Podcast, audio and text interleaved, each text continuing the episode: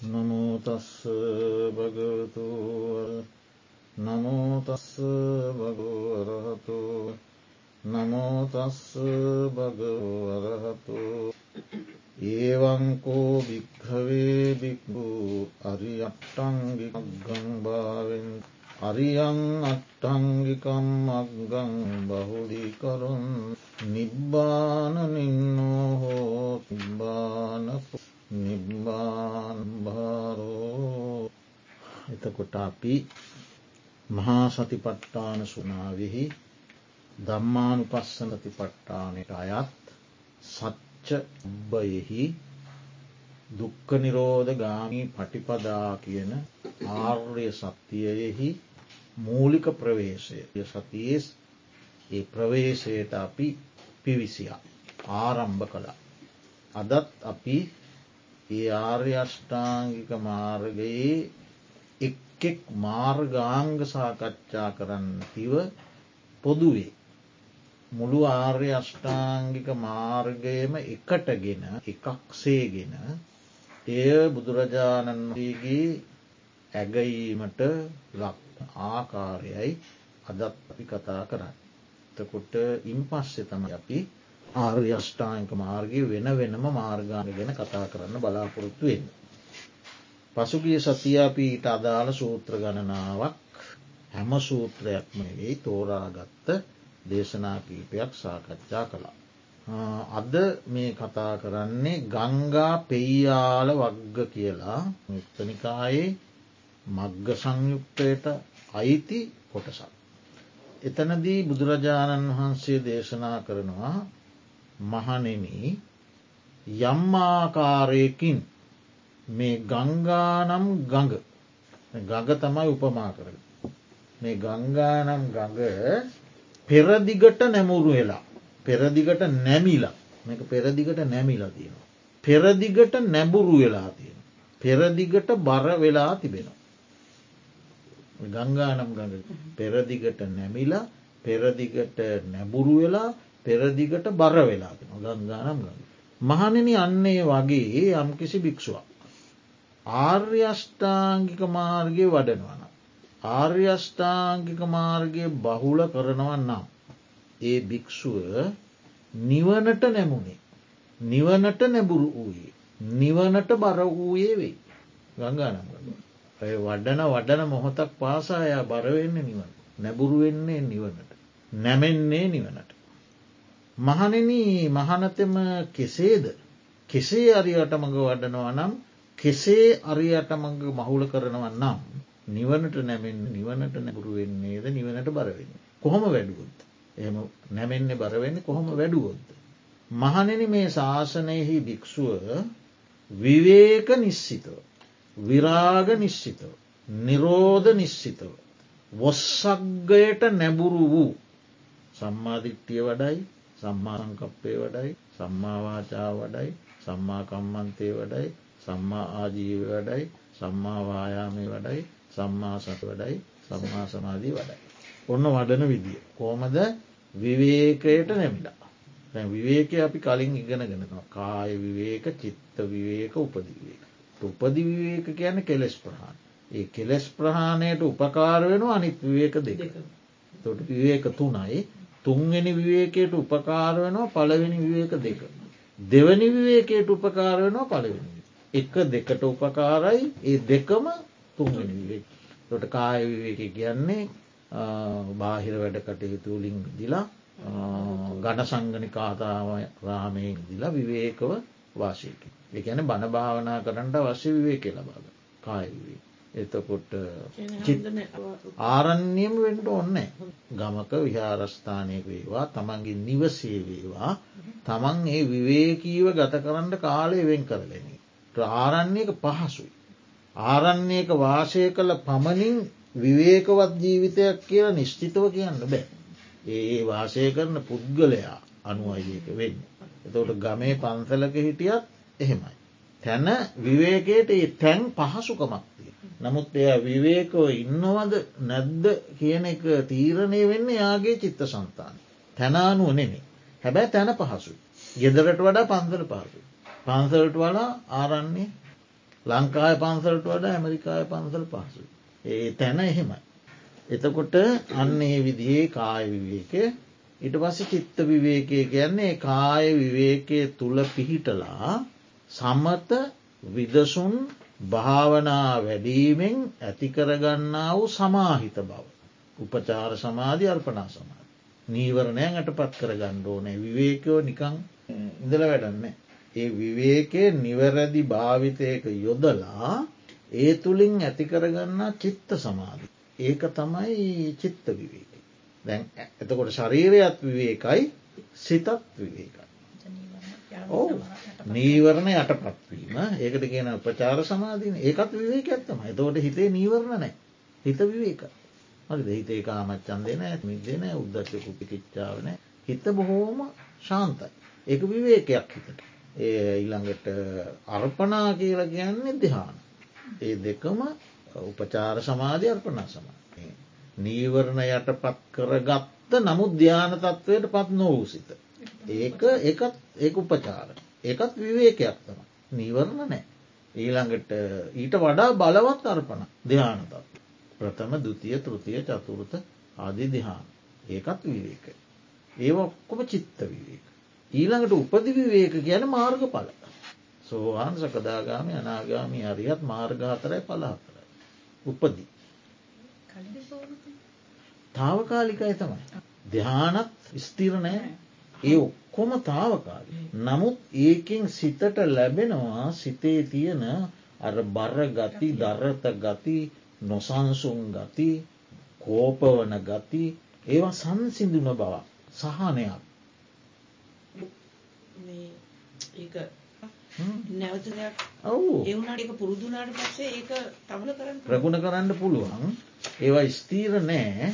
ඒක හරියට අපි මෙහෙම කියමුකෝ යම් කිසි කෙනෙක්ගේ තියෙනවා කුෂ්ටරෝගය. එයා එක නැත්තන් තුවාලයක් එයාට යම් ඊතල පහරක් වැදිලා එයාට හැදෙනවා තුවාලයක්. ඊට පස්සේ සහලේ නෑදෑව එයා අරයන ශල්්‍ය වෛද්‍යවරේ. ටස වෛද්‍යවරයා ඒ ඊතල පහර උදුරනවා. ඊ තලේ උදුරන. තව ඒ සල්ලේ ඒසනියෙන් ඒක ඇන මේ තව වැදිච්චි කෑලි මේක තියෙනවාද කියලා ඒ සල්ලෙ කටුව තියෙනවානේ ඒ කටුවෙන් මේක සොයනවා. සොයලෑ කැබලි තියෙනවනම් ඒවත් අරන්දා. අරන්දාලයකට බෙහෙත් කරනවා. හරි බෙහෙත් කරලා යාට කියනවා දැන්බගේ තුවාට බෙහෙද්දාලා තිය. හැබැයි මේක තෙමන්ඩ එපා. මේකට දූවිලි වද්ද ගණ්ඩ එපා. මේකට ඇඹුල් ගාව ගණ්ඩ එපා.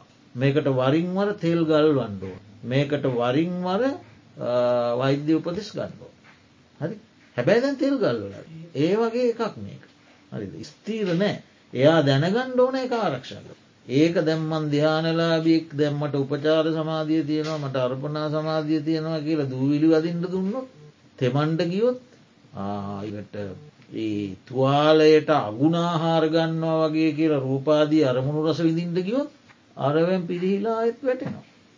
හරි ඒ ඒ අරමුණු රස නොවින්ද ඊළඟට බාහිරට මේක ආවරණය කරන්න නැතිව ඊළඟ අනවශ්‍ය ඇලීම් ගැටීම් ඇසුරු ආදියට යන්නේ නැතිව අර වෛද්‍යවරයා වරින් වර හම්බවෙනවා වගේ කල්්‍යයාන මිත්‍රයන් සගීට අදාළ ධර්මසාකච්ඡාදිය කරමින් මේක දියුණු කරගන්න තත්ත්වයට යන්ඩෝනේ නැත්තම් වැටෙන්න්න පුළුවන්. නමුත් මේ ලබාගත්ත තත්ත්වේ විවේකයි හිතට විවේකයි වෙනද වගේ හිතට බරගති නෑ එතකොට අන්නේ චිත්ත විවේක.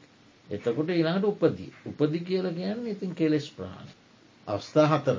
සෝවානාදී අවස්ථා අතර. ඉතින් කොහොම නමුත් අන්නේ විවේකයට නැබුරුවොත් යම් කිසි භික්ෂුවක් මේ ශාසනයේ විවේකයට නැබුරුව. විවේක නිශ්සිතයි කියන්න එක විවේකය ආශ්‍රයක ඇසුරු කරන්නේ විවේක. ඉළන්ට විරාග නිශ්සත කියලා කියන්නේ නොයලීම ආශ්‍රයක. ඇලි ඇලී මේක කරන්න බෑ.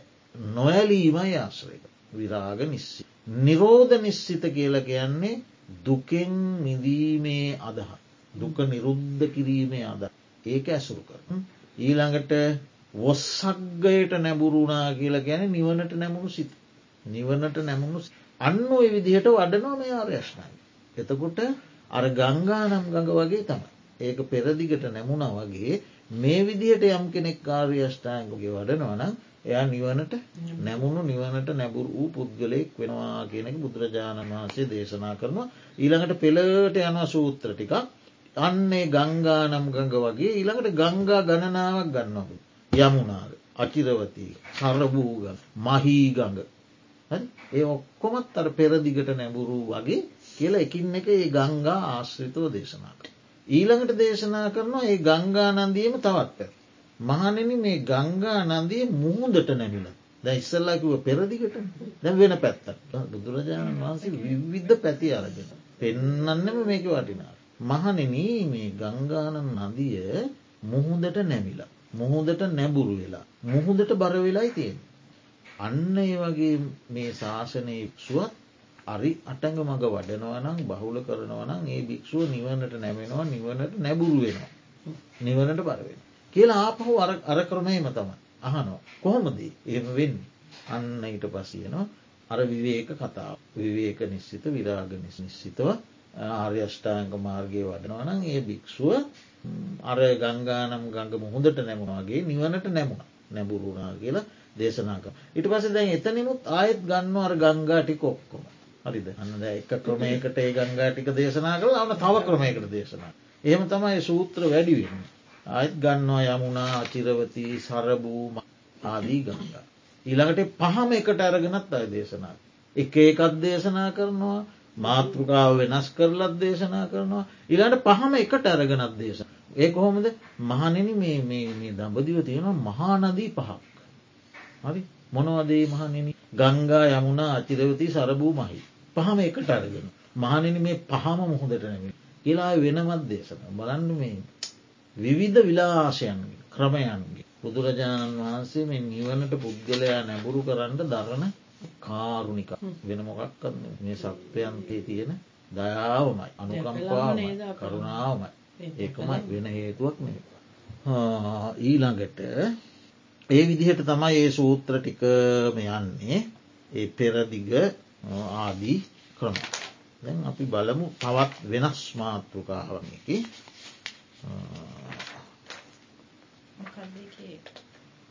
ගංගා පෙයියාල වග්ග ගංගා පෙයියාල වග්ග. එතවට මේ ගංගා පෙයියාල වගේ තම දැන්ව සරභූ මහ ඒ කතන්තර දැන් අපි කතා කරපු ටික තියෙන. ඒක තියෙනවා දෙවනි ගංගා පෙයියාල වගේ කියල ඔන්න දැන් ඉස්සල්ල කතා කරේ පලවෙනි පෙයියාල. දැන්ගෙනවා ගංගාව උපමා කරගත්ත දෙවනි පෙයියාලේ දෙවනි වක්ගේ. ඒ දෙවනි වක්ගයේ වෙන ශක්තිය වෙනස මොකක්ද අර ක්‍රමයම තමයි එක වෙනසක්. ඒ වෙනස තමා. දැන් මුලින් අපි කතා කළේ මහනෙන මේ ශාසක්ෂුව විවේක නිශ්සිතව විරාග නිශ්සිතව නිරෝධ නිශ්සිතව නිවනට නැමුණු සිත් ඇතිව සම්මාධිත්‍යය වඩයි. එහෙමනි. මෙතනද ඊට වෙනස් ක්‍රමයක් බුදුරජාණන් වහන්සේ. මොකක්ද අර ක්‍රමය එකමයි. අර මුලින් ආපු විදිහමයි මේ ගංගානංගන්ගේ පෙරදිකට නැබුණා පෙරදිකට නැබුණ ඒ ක්‍රමයම ඇවිල්ලා මේ භික්‍ෂුව නිවනට නැබුරුවීම කියන තැනදී. විවේක නිශ්චිත වෙනුවට වෙන ක්‍රමයක් ගන්න. ඉස්සල්ලා ගත්ත විවේක නිශ්චිත විරාග නිශ්චිත නිරෝධ නිශ්චිත බොස්සක්ග පරි. ද මෙතින් දිගන්නවා කොහොමද මහන මේ ශාසනයේ භික්‍ෂුව නිවනට නැමිලා ආර්යෂ්ඨාංක මාර්ග වඩන්න. කියලා හලා ඔන්න දේශනා කරන කොහොමද. රාග විනය පර්යවාසනා පර්යාවසානය කොට. ඒකන්නේ රාග විනය කෙලවර කොටගත්. මේ මාර්ගයේ කෙලවර මොකක්ද රාග විනය. රාග විනය කෙලවර කරනවාගේ රාගය දුරු කිරි. විනය කියන්න හික්මීමනේ රාගය මුළුමනින්ම සංසිදවලා හික්මීම කෙලවරි කොටගත්. ඔන්න දැ භික්ෂෝගි පරමාර්ථය අතන කියන්නේ විවේකය විරාගය නිරෝධය ඔස්සක්ගය. හරි මෙතන කියන වෙන ක්‍රමයක් බුදුහාන්දුරම එක්කම දී විවිධ පැති ඔස්සේ විවිධ ක්‍රමයන්න පෙන්. කෙනෙකුට අරකමේ රුචි වෙන්නපු ඒ අදහස. තව කෙනෙකුට මේ අදහසරු. මොකක්ද අදහස මෙතන කියන්නේ. රාග විනය පරියෝසානන් කෙලවර.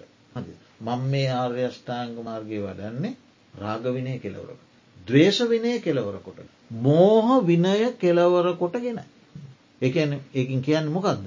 එයාගේ අදහස වෙන්ඩ ඕන මොකක්ද රාග දවේශ මෝහයෝ කෙලවර කිරී. ක්ලේෂ. ඒක තමයි මගේ බලාපො. මා ඒ සඳහායි මේ විකසේ. ඒ අදහස ඒ කැමැත්ත ඒ චන්දය ඒ බලවච්චන්දය පෙරදැරි කරගෙන අන්න දැන්ගේ යමකක්ද වඩන්න සම්මාදී සම්මා සමාව අන්න ආර්යෂ්ඨායක මාර්ග වඩනවා. එහෙම වඩනකොට එයා බරවෙන්න කොහෙටද නිවනට. නැබුරු වෙන්න කොහෙටද නිවනට. එතකොට නැමෙන්න කොහෙටද නිවනට. අය ආර්යෂ්ඨාංක මාර්ගයේ වැඩීමේ ඔය එක ක්‍රමයක්. එකත් තමයි විවේක විරාග නිරෝධ ඔස්සන්. අනිත්තක තමයි රාගවිනේ දේශවනේ මෝහ. වෙන නෑ ඉලක්. එක්කම ඉලක්කේ. එක් ඔය එකම දේ තමයි ඔය පෙන්න්නන්නේ. එකම දේ විධ ක්‍රමෝල ඔන්න දැන් එතන එක ක්‍රමයක් ඊළඟට නැවතත් ඉතින් බුදුරජාණන් වහන්සේ ඒකම අරං යනවා ඉදිරියට යමුණා අචිරවති සරභූ ඒ රාග විනය ක්‍රමේ දවේශ විනය මෝහ විනය ක්‍රම එම යනවා. ගංගා පේ යාල ඔවු එක එක අවස්ථාව එක ඒක අවස්ථාවලද එක ඒක ක්‍රමවලට දේශනා කර ඔවු උන්වහන්සේට. ආර්ය අෂ්ඨායක මාර්ගය ගැන ඉගෙන ගන්නකොට හරි වටි නොයතකොට ධාර්ය අෂ්ඨාංග මාර්ගය අපි වඩන්නේ කෙසේද? කුමක් සඳහාද? කියන අවබෝධය. එබෙන්ම අපි බලමු දැන් එකක් ගැඹුරුට යන්න පුළුවන් දේශනා මේ අතරේ පිටිකක් බලමු. ගංගා ක්‍රමයෙන් එහාට ඔන්න දැන් බුදුරජාණන් වහන්සේ ගංගා ක්‍රමේ දැන් සමාන සමාන විදි තියෙන්නේ. පොඩි පොඩි වෙනස්කම් තියන්නේ. ඒකටම අපි කාලේ ගන්න ඇතිව දැන් අපි යම් කිසි ඒකින් තේරුමක් ලැබුවනි. දැනීමක්. දැන් අපි යමු තව ක්‍රමයකට. මහනෙන පා නැත්තා වූද? පා දෙකක් ඇත්තා වූද. පාද හතරක් ඇත්තා වූද. පාද බොහෝ ඇත්තා වූද. හරි ඔ ලෝකෙම ඉන්න සත්වය ඔච්චරන පාද නැති සත්වයන්නවා දෙකක් ඇති සත්වයන්නවා හතරක් ඇති සත්වයන්නවා බොහෝ පා ඇති සත්වය නොය තම සත්ව වර්ගී කරන. ඒ සත්වයන් අතරත් ඊළඟට රූප ඇති රූප නැති සංඥා ඇති සංඥා නැති. නේව සංඥා නා සංඥා එකන සංඥාවක් ඇත්තේත් නැති නැත්තේ තිතා සියුම්. ඒ ඔය තම සත්ව වර්ගී කරනය මේ කරන්න.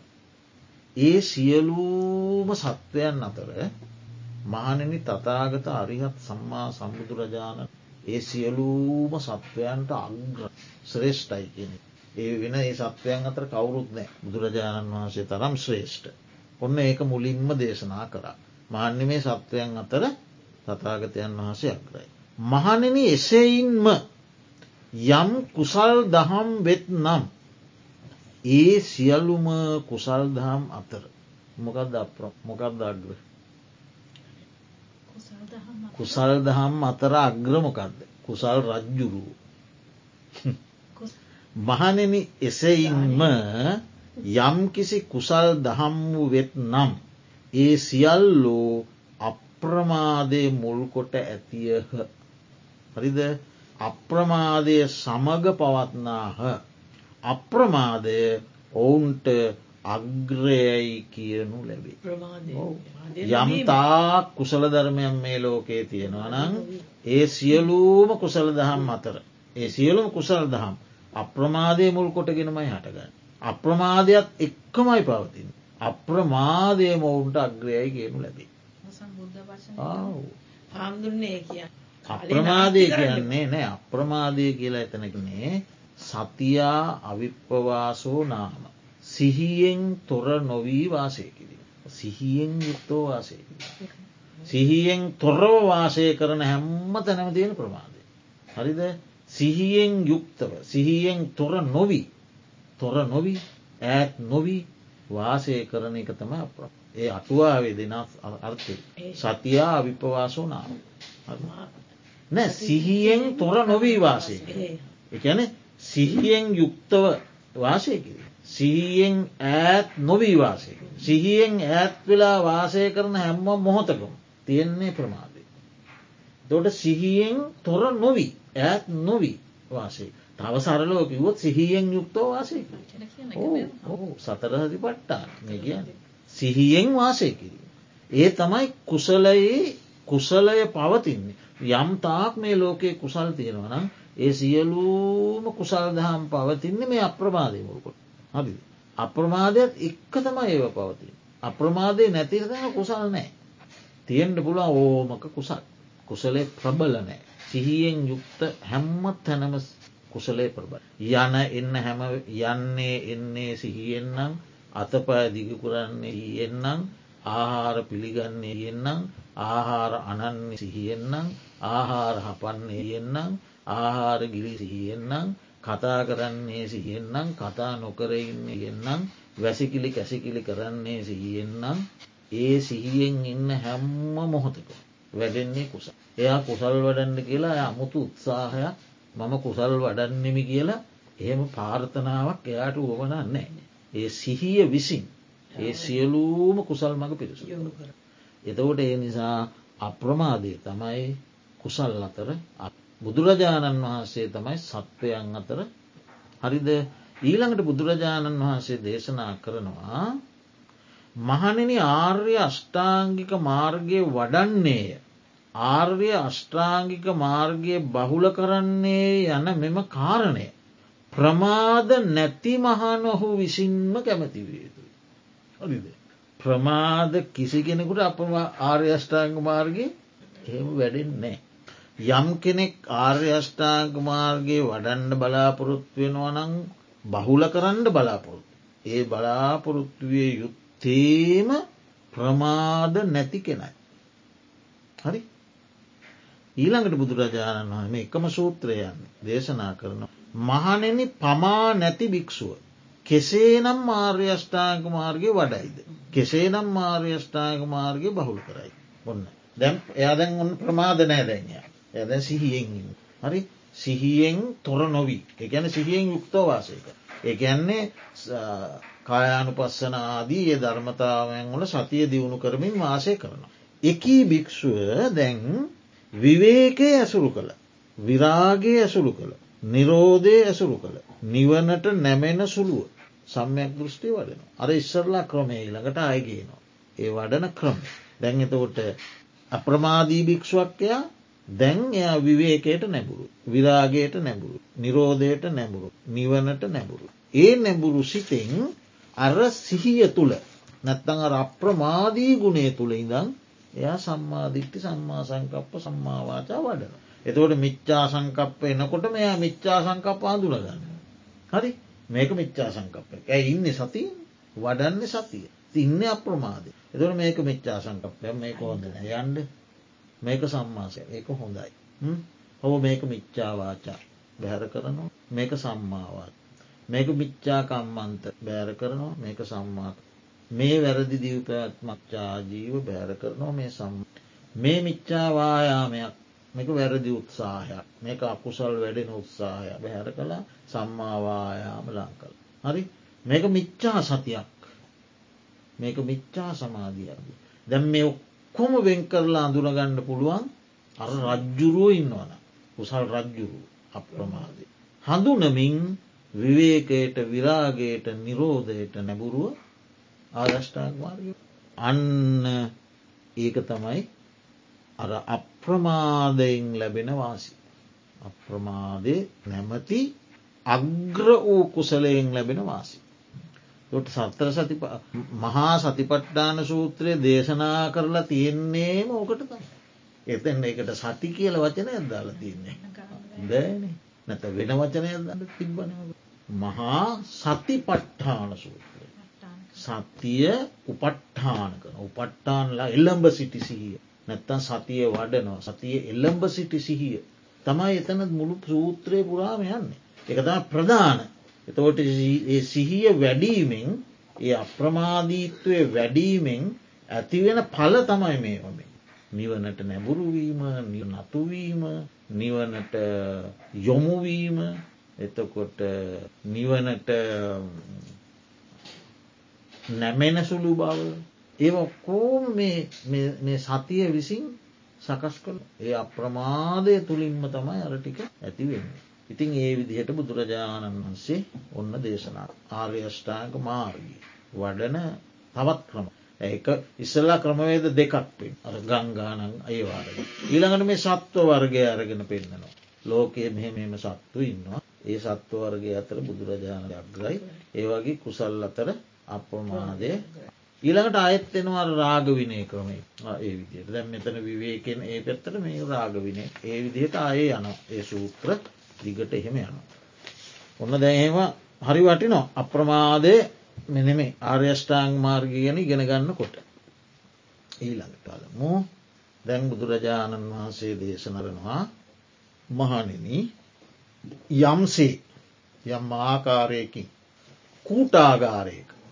කූටාගාර කියල කියන්නේ අපි වර්තමානයුගෙන් තේරු ගණ්ඩ තියෙන සරලම යෙදුමක්තම කුඩේ. කුඩේ මෙහෙම නන ඇවිල්ලා සියෝලුම නන එක තැනකට සම්බන්ධ කරලති. ඒවගේ කූටාගාරවල මේ සියලූම පරාල සම්බන්ධ වෙලා තියෙන එක කූටයකට මුදුන තමයි මෙතැන්ට ඔක්කොම බද්ධ වෙලාදී. එතවට මේ කූටය මත තමයි මේවා තියෙන්. යම් විදියකින් මේ කූටේ කැඩුණොත් මේ ඔක්කොම එකැන වැටෙනවා එකට පවතින්න. දැ කුඩේ උඩ මේ සියලුම කුඩ නන සම්බන්ධ කරලා තියෙනවන මැද රවුමක්. ඒ රවුම කැඩුණොත් කුඩනනට ඉන්ඩ බෑන එතන්ටන බද්ධ වෙලා කුඩනටික ඔක්කොම පහතට වැටෙනවා. ඒවගේ අර කූටාගාරයේ කූටය ඒ මුදුන තියෙන කූටය සියලූම පරාල එතෙන්ට සම්බන්ධ කරලා වටේ මේවති. කූටාගාරය රවුන්ගයක් රවුන්ගයක් කොම. තොට එතන තමයි අග්‍ර මේ මුදුන තම අග්‍ර කූටේ. ඒක තමයි කූට අග්ග කියන්න අග්‍ර කූටේ. කූටගා කූටාගාර. එතකොට බුදුරජාණන් වහන්සේ දේශනා කරනවා මුදුන තමයි ඔවුන්ට අග්‍ර. හරිද අන්න ඒ වගේ කියනවා. මහනෙනී මේ ලෝකයේ යම් කිසි කුසල් දහම් වෙනවා. කුසල් කියන නාමේ හඳුන්වන යම්තා කුසල් වෙනවා. ඒ සියලූම කුසල් දහම් අතර අප්‍රමාදයක් ග්‍රයි. කූටාගාරයක කූටයක් ග්‍රයි වගේ. එතකොට අන්නේ අප්‍රමාදී කෙනා තමයි භික්ෂුවක් වේවා ගිහිෙක් වේවා ඒ අප්‍රමාදී කෙනා කැමති වෙන්ඩෝ මොකක්ද කැමති වෙන්නවා ආර්යෂ්ටයින් මාර්ග වැඩ. ඒ නොපමා භික්ෂුව තමයි කැමති වෙන්න. ප්‍රමාදව වාසය කරනකට ආර්යෂ්ඨාංග මාර්ගය වඩන්ට කැමති වෙන්න බෑ. අපි කාට වනත් බෑ එක එහෙම එහෙම වෙන්න එහෙම වැඩෙන්න එහෙම කැමැත්ත තිබ්බ ඕ ඕ ඒක තම දැ බුදුරජාණන් වහන්සේ දේශනා කරනවා කැමැත්ත හෝ අකමැත්තන මේ ප්‍රශ්නය. ආසා ඇතුව හෝ ආසා නැතුව හෝ. දැන් මට තියෙනවා කියමකෝ ආර්යෂ්ඨාංක මාර්ගය වඩට ආශාවක්. තව කෙනෙකුට තියෙනවා අනාශාවක් කියමුකෝ. එතවට මට ආශාවක් තිබුණාය කියලා ආර්යෂ්ඨාංක මාර්ගය වැඩෙන්නේ. අනිත් කෙනාට අනාශාවක් තිබුණයි කියලා වැඩෙන්න්නෙත් නෑ. හරිද. එකට මං සූත්‍රයේ පස්සෙ වෙලාවක කියලා දෙන්න. ඒකට බුදුරජාණන් වහන්සේ දේශනා කරනවා මේ යම්කිසි මනුෂ්‍යයකුට ඕන වෙනවා කිරි එයට කිරි ලබාගන්ට ආශාවක් තියෙනවා. එයා තරුණ දෙනක් ළඟට යනවා. තරුණ පැටවෙක්කින්න දෙනක් ළඟට තර තරුණ පැටවෙක්කින්න දෙනගේ කිරි තියෙනවා. කිරි ලබාගන්ට ආසා ඇතිය මනුස්සය ගිහිල්ලා දෙනගේ අගෙන් අල්ලලා කිරි අදිනවා. අග අගං දෙන හරි ද ආශාව තියන කිරි ලබන්ට එ කිරි ලබන්ට අගින් අල්ලලා කිරි එයාට ආසා තිබ්බ කියලා කිරි ලබෙන්නේ අගේ නේද? අගින් ඇද්දට කිරිහම්බෙන්න අනාසාාවක් තිබ්බත් අගෙන් ඇද්දට කිරිහම්බෙන්නේ ඒ ආශා අනාසා කියන එක හොඳයි කැමැත්ත. නමුත් මේක තමයි ප්‍රධාන අප්‍රමාදය බුදුරජාණන් ඒ අප්‍රමාදය කියන වචනයට අටුවාචාරීන් වහන්සේලා දක්වන්න බුදුහාන්දුර අවුරුදු හතලිස් පහක් මුළුල්ලේ දේශනා කළ සියලුම ධර්මය වචනය ඇතුළ තියෙනවා කිය. ඔවු ඒ වචනය ඇතුළ තියෙනවා. ඕ අප්‍රමාදය එකන්නේ අප්‍රමාදය තුල්ලම තමයි ඔය ආර්යෂ්ඨා අර්ගයේ දිහාන ඔය හැම දෙයක්ම වැඩීම තියෙන්. සිහියෙන් තොර වෙනකොට නෑ.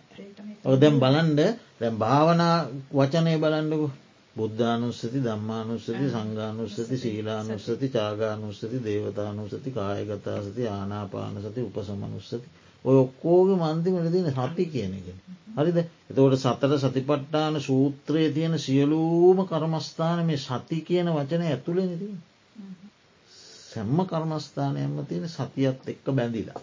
ඒ ඇන එතනින් තමයි මේක මේ කූටාගාරය වගේ තමයි. නෑන ධර්මසාකච්ඡාව ඇතිය තියෙන තියෙන. මං පස්ස කතා කරන්න. ඉතින් ඒක තමයි අවසාන බුද්ධ වචනය මහනෙන පසුව පසු තැවෙන්න එපා. අප්‍රමාදීව කටයුතු කරන්න කිත එහෙම තමයි. එතවට මෙන්න මේ විදිහට අර ඔන්න කූට සූත්‍රය. එකූටාගරද බුදුරජාණන්ස විධ උපමා ගෙන හැර දක්වන මේ අප්‍රමාදය ගැන කියන්න. ඊළඟට මහනෙන මේ ලෝකයේ තියෙන නොයෙකුත් සුවඳ මුල්.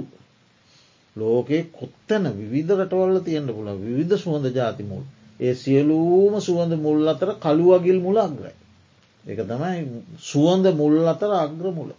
ඒවගේ තමයි මහන්නේ කුසල් අතර අප්‍රමාදය අග්‍රයි. ඊළඟට මේ ලෝකයේ තියෙන නොඒ ආකාරය සුවඳ අරටු. ගස්වල අරටු. ඒ අරටු අතර රත් සඳුන් අරටු අග්‍රයි. හරිද? ඒවගේම මේ ලෝකයේ නොඒකුත් මල් වර්ග තියෙනවා. ඒ මල් අතර දෑ සමන් මල අග්‍රයි. දෑ සමන්. සමන් මල් වර්ගයක්මයි. දෑ සමන්. හරිද.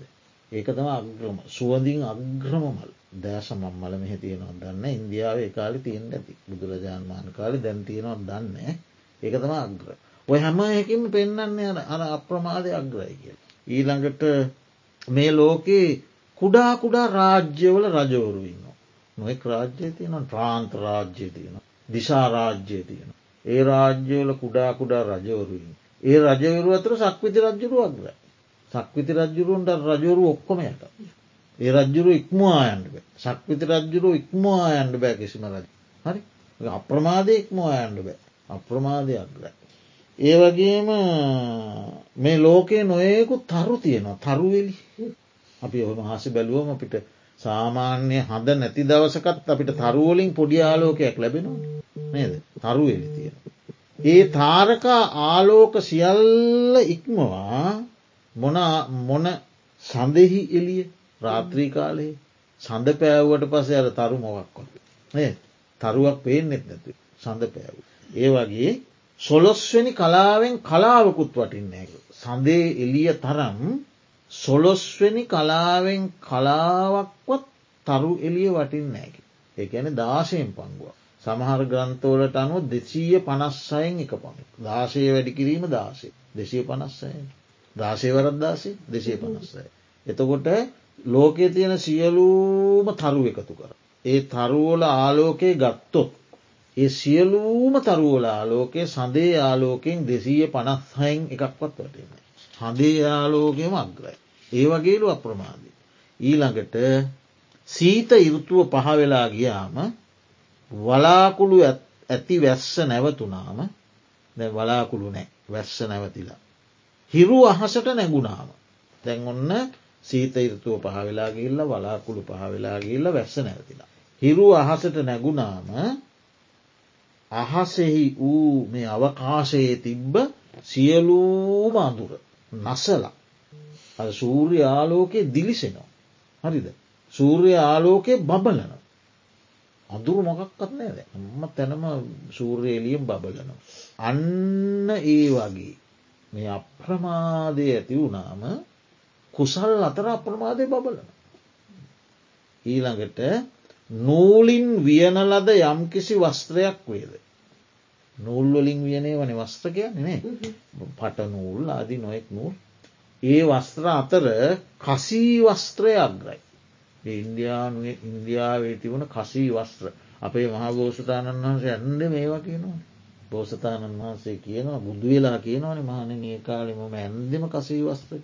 කාසිකංසු මේතම් භික්කවේ වේටනං හෝති කාසිකා කංචුකා කාසිකා උත්තරාසංගා මානන මගේ උතුරු සලුව මානෙන් මගේ හිස් වෙලුම මානන මගේ උඩ උඩුකාය වහන ඇඳුම මහනෙන මගේ යටිකාය වදන වසන ඇඳුම මහනෙන මගේ පොරෝනා වස්ත්‍ර මෙ ඔක්කොම කාසිකවත් එකන කසීරටේ නිපදෝපු කසී සලු. මගේ තාත්තමට ඒ විදිහ සැපදුන්නයි ආයිට වඩත් බාලකමෙන් අඩු කිසිම වස්ත්‍රයක් පොරෝනාවක් හිස්වෙලුමක්වත් තිබිලනේ ඒ බුදු හාමුදුරුවම කිය මං තරන් ඉරදියකින් කිව වාසය කර කළේ. ඒ කාලිගි සුකුමාල සූත්‍රය තියෙන්නේවා. එතකොට අන්නේ වස්ත්‍ර අතර කසී වස්ත්‍රය අග්‍රයි. ඒ වගේ කසී වස්ත්‍රය අග්‍රයි වගේ මහනෙන එසේඉම්ම යම් කිසි කුසල් දහම්ම වෙද්ද ඒ සියල්ලු අප්‍රමාදය මුල්කොට ඇතිය අප්‍රමාදය සමඟ පවත්නා අප්‍රමාදය ඔවුන්ට අග්‍රයයි කියනු ලැබේ. ඔන්න අපි කියම මේක පාලියම. සෙයිය තාපි භික්කවේ යානිකා නිචි තන්තහාවතානං වත්තානං කාශිකං වත්තං අග්ගමක්කා ඇති. ඒව මේවකෝ භික්කවේ ඒකේචි කුසලා දම්මා. සබ්බේතයේ අපමාද මූලන්න සියලුම කුසල ධර්මය අප්‍රමාදය මුල් කොටගෙන අපමාද මූල. අපමාද සරෝ සමෝ සරණ අප්‍රමාදය සමග්ගමයි පවතින. අපමාදෝ තේසන් දම්මානං අග්ගමක්හා ඇති. අප්‍රමාදය සියලු ධර්මයන් අතර අග්‍රයි කියන බුදුහා. අන්න. දැන් අන්න ඒ අප්‍රමාද කෙනාල්ලු කැමතිවෙන්ට ඕනේ මොකක් කරන්න. හැස්ටාගවාගේ වන්න. කැමතිවයුතුය බහුල කරන්නේ කියලා කැමැතිවයුතු. කෙසේද විවේක නිශ්චිත විරාග නිශ්චිත නිරෝධ නිශ්චිත. තා විදිියකට එනකොට රාගවිරය රාගවිනය දේශවිනය මෝහවිනය කෙලවර කොට ගත්. ඔන්න වැඩි ආර්යෂ්ඨාක මාර්ගය කිව්වට අපි සතිය ප්‍රධාන ඒක තමයි ප්‍රධාන. ඊළඟට ඔන්න යම්සේ කාය බලයෙන් කළ යුතු යම්කිසි කර්මාන්තයෝ කරනු ලැබෙද්ද.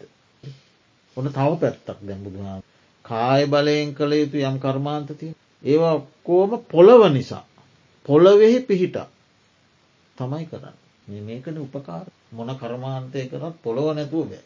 ගොඩනැගිල්ලක් හදාගන්ට යන්ත සූත්‍රයන් නවත්ත ගණ්ඩ ගුවන් යාන උඩින් ගියත් ඒව නවත්තන්නත් එප පොළොව තමයි ඔක්කොම පොළොවේ පිහිටලා කරන්න.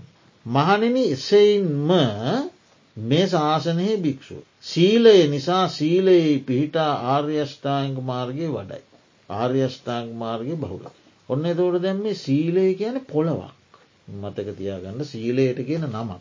ද අපි හිටගෙන ඉන්න පොළොවේ ඇවිදින්නේ පොළොවේ. නිදන් ඉන්න ඇද උඩ වනාට ඇඳ තියෙන්නේ පොළොවේ. ගුවන්යානයක ගියාට ගුවන්යාන්ට නගින්න පොළොවේ. පොළොවෙන් අපි ගොඩවේ. එ මේ පොළොව තමයි හැමදයකටම උපකාරක ධර්ම.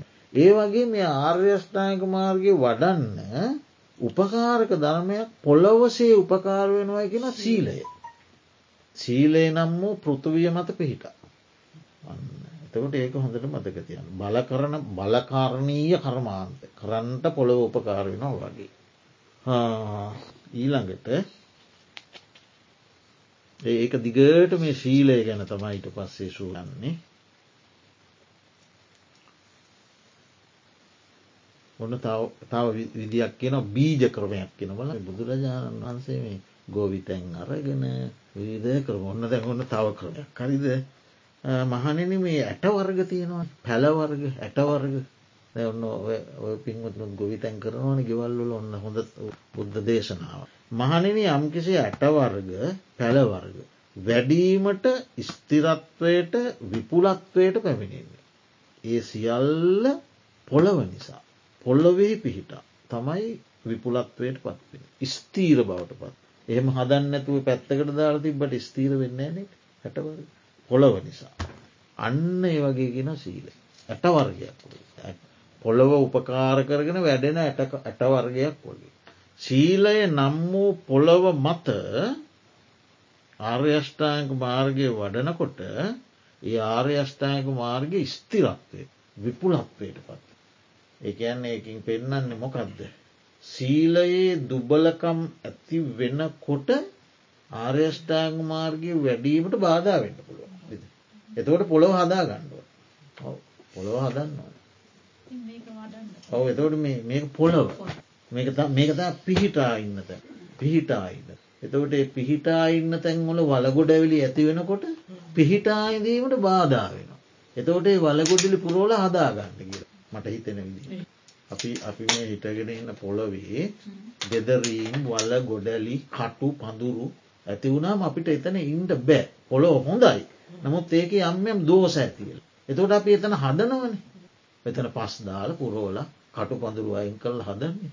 ඒවගේ මේ පිහිටා සිටින තැන හදාගණ්ඩෝන. ඒක ඒකේ පිහිටා තමයි ආර්යෂ්ඨාංග මාර්ගය වඩනකොට තමයි ස්තීරත්වයට විපුලත්වයට දැන් අපි හදන ඇට වර්ගයක් පැල කරනකොට ඒ පොළව සාරණං නේ අපිට ඇට වර්ගය ස්තීර බවට විපුල බවට පත්වේ සාරවත් පොළවන තුළ ඒ වගේ තම සීලය නම් පොළව ඒක අර දොස් ඇති වුණාම එක හදාගන්න දොස් ඇතිවීම ස්වභාවිකයි. ඒකනේ ඔය නැවත සිල් සමාදන් වෙන්ඩකි නැවත සීල ආවර්ජනය කරන්නකි නැවත සීලය අලුත් කරගන්නකි දැ සමහරයනන් කියන එක පාර සිල් ගත්තම ඇති ජීවිතයටම කියලා. එවනට සීලේ එහෙම කැඩෙන්න්න පුළුවන්නේ. තීරවෙන්ඩ පුළුවන්නේ. ක්ලේෂයන් නිසා බිදෙන්න්න පුළුවන්නේ. ඒ නිසා තමයි නැවත ඒකට තමයි බුදුහාන්දුරු නිතරම දේශනා කරන්නේ මානනි මේ ශාසනයේ යම් කිසි කෙනෙ. වරද වරද වසයෙන් දකිනවන. හරිද වරද පෙන්නලා දුන්නම පිළිගන්නවන. වරදට පිළියම් යොදනවන. එයා මේ ශාසනයෙහි මේ ආර්ය විනෙහි දියුණුවක් ලබන. හරිද. වරද වරද වසයෙන් දකිින් නැත්නම්. වරදට පිළියම් යොදන්නෙත් නැ. වරද පෙන්නලා දුන්නම් පිළිගන්නෙත් නැ. එයා මේ ආර්ය විනෙහි බාලයෙක් යැන සංඛ්‍යාවට වැටෙන. හරිද. එතකොට එයා දියුණුවල් ලබන්න. දැ ඒකෙන් පේන්නේ වැරදි වෙන්න පුළුවන්. හරිද. ඒක තමන් දකිින් ඕන මේක වරදක්. හරිද ඊට පස්සේ කවුරු හරි පෙන්නල දුන්න ඕක වරදක් කියලා ඒක පිළිගණ්ඩුව. නිහතමානයව පිළිගණ්ඩුව. පිළියරගෙන ඊළඟට ඒකට පිළියමක් වෙදන්න. එතකොට එයාට දියුණුවක් තියනවා. දැ බුදුරජාණන් වහන්සේ ළඟට යම්යම් ස්වාමීන් වහන්සේලා ආවයික. ඇවිල්ලකුව ස්වාමීනී භාග්‍ය වහන්ස වරද මාව ඉක්මවා ගිය. උන්වහන්සේ උන්වහන්සේගේ පෞද්ගලිකයම් දෝෂයක් නිසා වෙන්න පුළුවන්. හැමෝගෙම එක මට්ට මේ සිත් ශක්තිමත් නෑන ඒ දුරුවලකම සසර දුබලකම මේ ජීවිතයේ දුබලකම කෙලෙස් බහුලත්වය නිසා. හරිද? ආශ්‍රය. ඒ විදි නොඒ කේතු මත යම් යම් අවස්ථාවල වැරදිී ගියා එනවා බුදුහාන්දුරව ඇවිල්ලයි බුදුහාම බැඳලා ඇති එන්නකොටම දන්න බුදුරද මේ වැරදිලා තම එන්න කියලා. මොකුත් කියන්න තින් ඇවිල්ල කියනවා ස්වාමීණී වහන්ස වරද මාව ඉක්මවාගිය මට භාග්‍යවතුන් වහන්සේ සමාව දෙන සේක්වා. එතකොට බුදුරජාණන් වහන්සේ අවස්ථා ගණනාව කම්බෙනවා ඔය වචන ටික කිය භික්‍ෂුව මේ ශාසනයේ යමෙක් වරද වරද වශයෙන් දකිනවා. වරද පෙන්නලා දුන්නම පිළිගන්න වරදට පිළියම් යොදනවනම් ඔහු මේ බුද්ධ ශාසනය පණ්ඩිතේ. ඔහු මේ ආර්ය විනෙහි වැඩෙන්නේ. හරිද. එම අර අයෙක් තුනම නැත්නම් ඕ බාලේ ඔහුට වැඩෙන්න බෑක. ඒ නිසා සීයට සීයක්ම මුළු ජීවිත කාලෙහෙම ස්ථාවරෝ පිහිටන්ඩ පුළුවන් අය අඩුයි ලෝක එම බුදුරජාණන් වහන්සේ කාලෙත් දෙවැනි උතුමෝ හිටිය බොහම ටික දෙනයි. ඒ නිසා ඒ තැන්වලදී අර පොළොව හදාගන්නවා වගේ ඒකට තමයි කියන ආයති සංවලයේ පිහිටනවා. නැවත සංවලයකට. අන්න ඒක මේකින් මේ කියන්න. තොට පොළොවක් වල. ඇට වර්ග වැවෙන. ඊළඟට හිමවත් පර්ුවත රාජයා නිසා. හිමාලකන්ද හිමාලවනේ. ඒ හිමාලවනේ නිසා නාගයෝ කය වඩනෝ. එතන නාගයෝ කියලකින මේ නයි නෙමේ ගංගා හරි දෙතන ඉන්න පටන්ගන්නේ ලංකායගත්තු සමනල කන්දෙන් පටන්ගන්න ඒවායි. හිමාල පර්වතරාජය නිසා නායකයෝ කයවඩල බලගන්නන එකන කය වඩනවා ටික ටික මේ පොඩ්ඩෙන් පටන්ගෙන මේ චුක්ටි දියල්ලකින්න පටන් මේ මේ පටන්ගෙන ඉතින් වැඩි වැඩි වැඩි වැඩි බලගන්වමින් යනවා. ගිහිල්ල කුඩා හෙබ්බලට බහිනවා. හෙ පොඩි පොඩි කඳුරු වගේ තැන්වලට පොඩි වලවල් වලට බහින. අරාරේන වතුර පාත්. ඒ කුඩා හෙබ්බොලින් ගිහිල්ල මහ හෙබ්බලට බහිනවා. හරිද මහහැබ්වලින් බැහල කුඩා ගංගාවලට බයි පුංචි ගංග ඒවත් බ. කුඩා ගංගාවලින් බැස මහ ගංගාවට බයි. හරි. මහා ගංගාවලට බැස මහා සමුදුරට බහි. බලන්න බුදුහාන්දුරය ගන්න පුදුම දේශනානමේ වනේ. ගංගා මහ මුහොඳට ගංගා බහින හැටි කිය ඕ හිමීට පටන්ග ඒක ටික ටික වැඩිල කියලා බල ගන්නවලා ටවස් පොඩි වලකට ඇවිල්ල මහවලකට කුඩාගංග ඇවිල්ල මහගඟකට ඇවිල්ල මහමට. මහනන එසෙයින්ම සීලේ නිසා. එතවට සීලේ තමයි අර මේ මොකක්ද මහාමේර පරුවත. එතමයි සීලේ. එහි පිහිටා ඒක තමයි තැන පටන්ගන්න තැන. එහි පිහිටා අරියටඟමඟ වඩන්නේ අරියටඟමඟ බහුල කරන්නේ දහම්මිලා මහත්වයට විපුලත්වයට පැමිණේ අන්න. එතවට දැන් ආර්ය අෂ්ටාංගික මාර්ගය තමයි දැඟර වතුර පාර. සීලයෙන් පටන්ගෙන සීලේ නැමතු මහාමේරුවෙන් පටන්ගෙන හොම හොම බෑල වලවල්ලට බෑල ගඟකට ඇවිල්ල අන්දයට මහසයුරට වැටෙන මහසයුරු කියන්මකක් විමුක්ත රශයකුත නිවන. අතන සීලයෙන් පටන්ගෙන හෝ ගල ඔහොම බෑගෙන ඉති වඩවල්ල නොම කුඩාගකිලා නිවන. වලන් ති විපුලක්වේ දැන් අතනින් පටන්ගත්තර වතුර පහර මුහුදට වැටිල විපුලක්වයට පටන විපුල බවක් දැන් එතකොට සීලය හිමවත් පරුතය වගේ. ඊළඟට යම්කිසි වෘක්ෂයක් වෘක්ෂයක් ලොකු ගහක් පෙරදිගට නැමිලා පෙරදිගට නැබුරු වෙලා පෙරදිගට බර වෙලා තියෙනවා. පූර්ව භාගය ගැන හිරු දාවන පැත්තට නැබුරු වෙලා තියෙනවා ගහ. බර වෙලා නැබුරු වෙලා තියෙනවා. මහනෙන එහි මුල සිඳින ලද්දේ කවර ප්‍රපාතයකට වැටෙන්නේද කියල බුදුහාදුරහන් මොක දව පින්වතුන්ට හිතේ දැ පෙරදිගට නැබවෙච්චි ගහක් තියෙන පෙරදිගට නැබුරු වෙලා. එක මුල්ල සිින්දිනවා කවුටයි කොයටද වැටෙන්නේ? හ බරවෙච්ච පැත්තට වැට පෙරදිගට වැටෙනවා. වහන්ස හාමුදුරුවරු කියනවා ස්වාමීණි භාග්‍යවතුන් වහස යම් දිගකට නැමුණේ නම් යම් දිගකට නැබුරු වූයේ නම් යම් දිගකට බර වූයේ නම් ඒ පැත්තට තමයි වැටෙන. මහනෙන අන්න ඒ වගේ. ආර්යෂ්ඨායක මාර්ගයේ වඩන්නේ බහුල කරන්නේ නිවනට නැමුණේ නිවනට නැබුරු වූයේ නිවනට බර වූයේ වේ.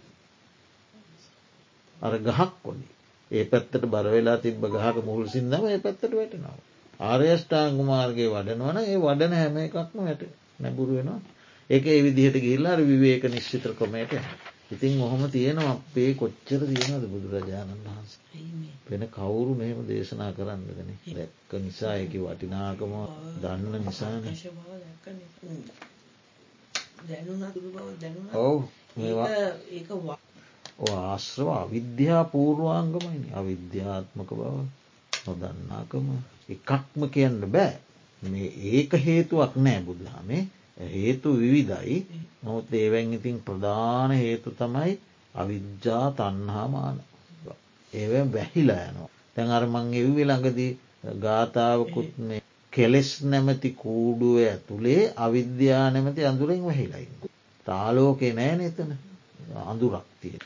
එතකොට මේ කලය කලගෙඩියක් යටිකුරු කරලා තිබ්බම වතුර වැගිරෙනවා ඒ කලේ යටිකුරු කොලාම වතුර වැගිරෙනවා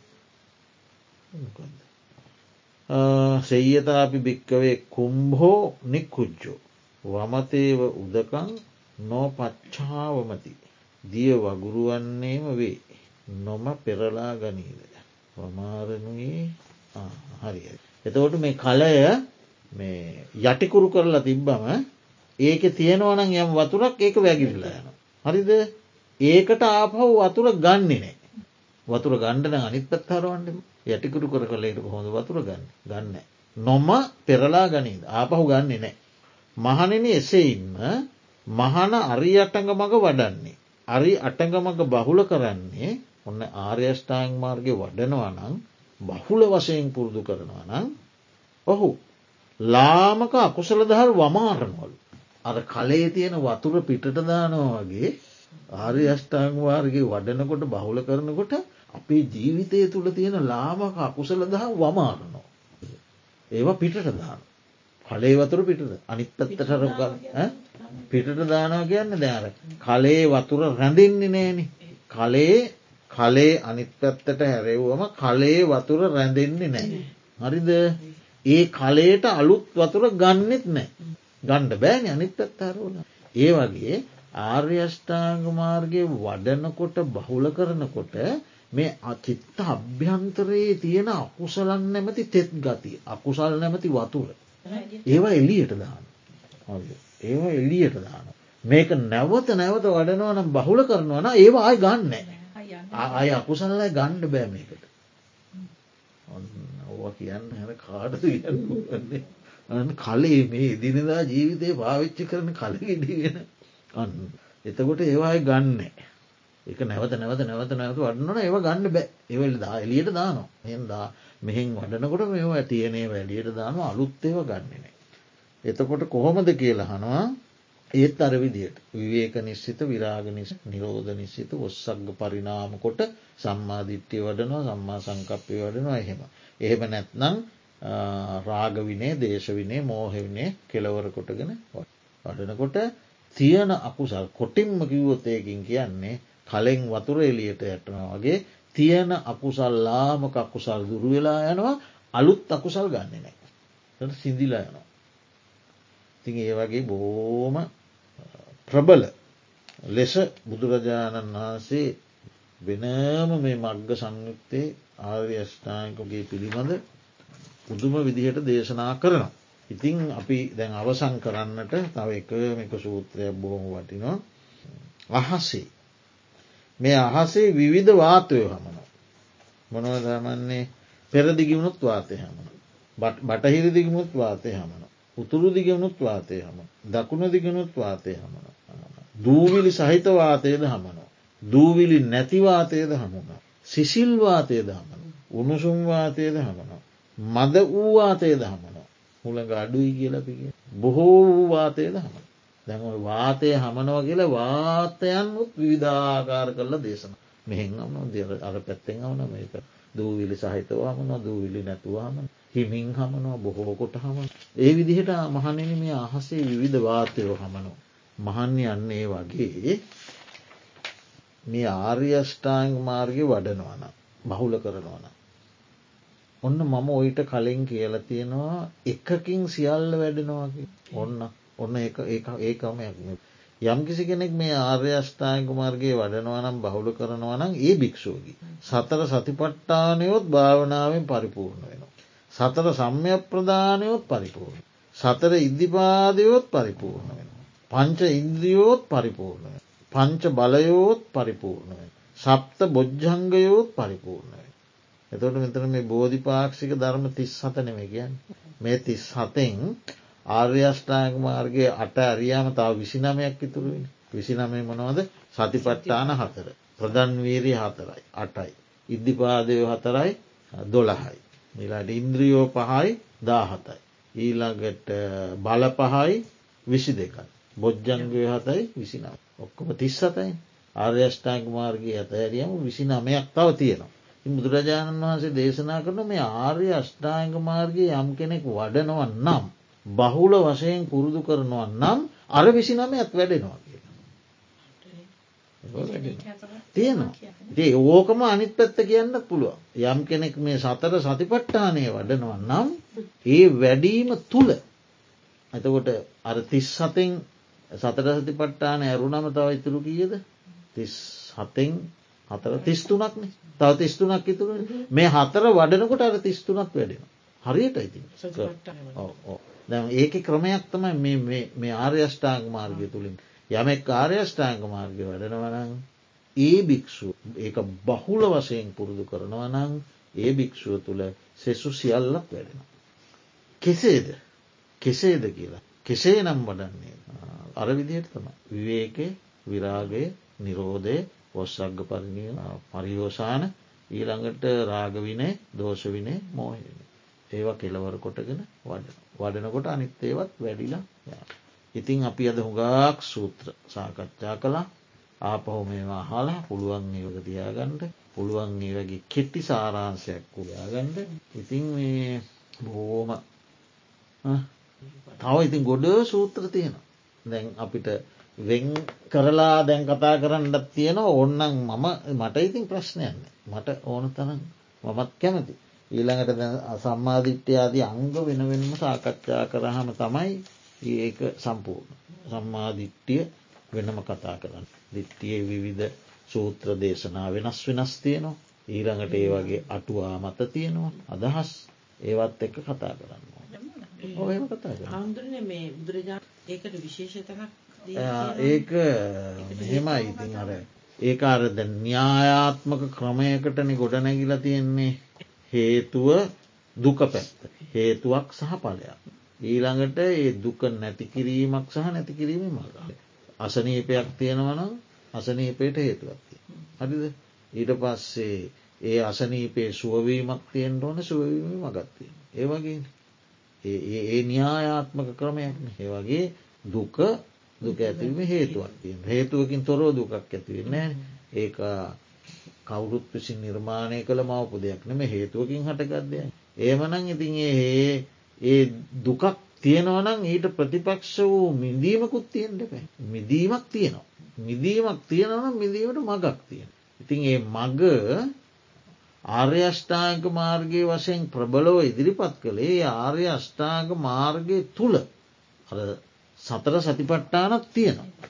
සතර සම්මයක් ප්‍රධන් වීරිය සම්මා වායාමය තුළ තියෙනවා. සතර සතිපට්ටානය සම්මා සතිය තුළ තියෙනවා. හරි ඒ විදිහට මේ සියල්ල මේක ඇතුළෙ තියෙනවා.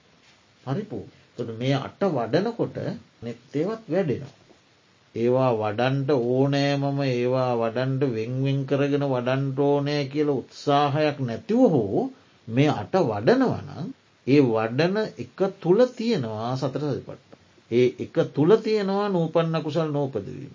උපන්න කුසල් ප්‍රහාණි නූපන් කුසල් ඉපදවීම උපන් කුසල් වැඩිදීම එකැන සම්මාවායාම ආර්ය අෂ්ඨාංග මාර්ගය සම්මාවායාමය තුළ සතර සම්යක් ප්‍රධන් වීරිය තියෙනවා.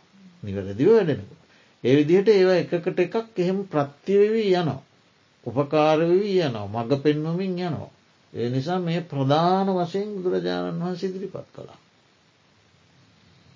ඉතින් ඒ නිසා අද අපි මේ කරපු ධර්ම සාකච්ඡාවෙහි ඒ සාකච්ඡාවෙන් උපන්සේ කුසල ධර්මයන් අපට අප නමින් පරලෝෂපත්ඥයින්ටත් දෙවියන් සහිත ලෝකවාසී සත්‍යයන්ට ආර්යෂ්ඨාංක මාර්ගයම වඩා දියුණු කරගැනීම හේතු උපනිශ්්‍රයවෙත්වා කියල පාර්ථනා.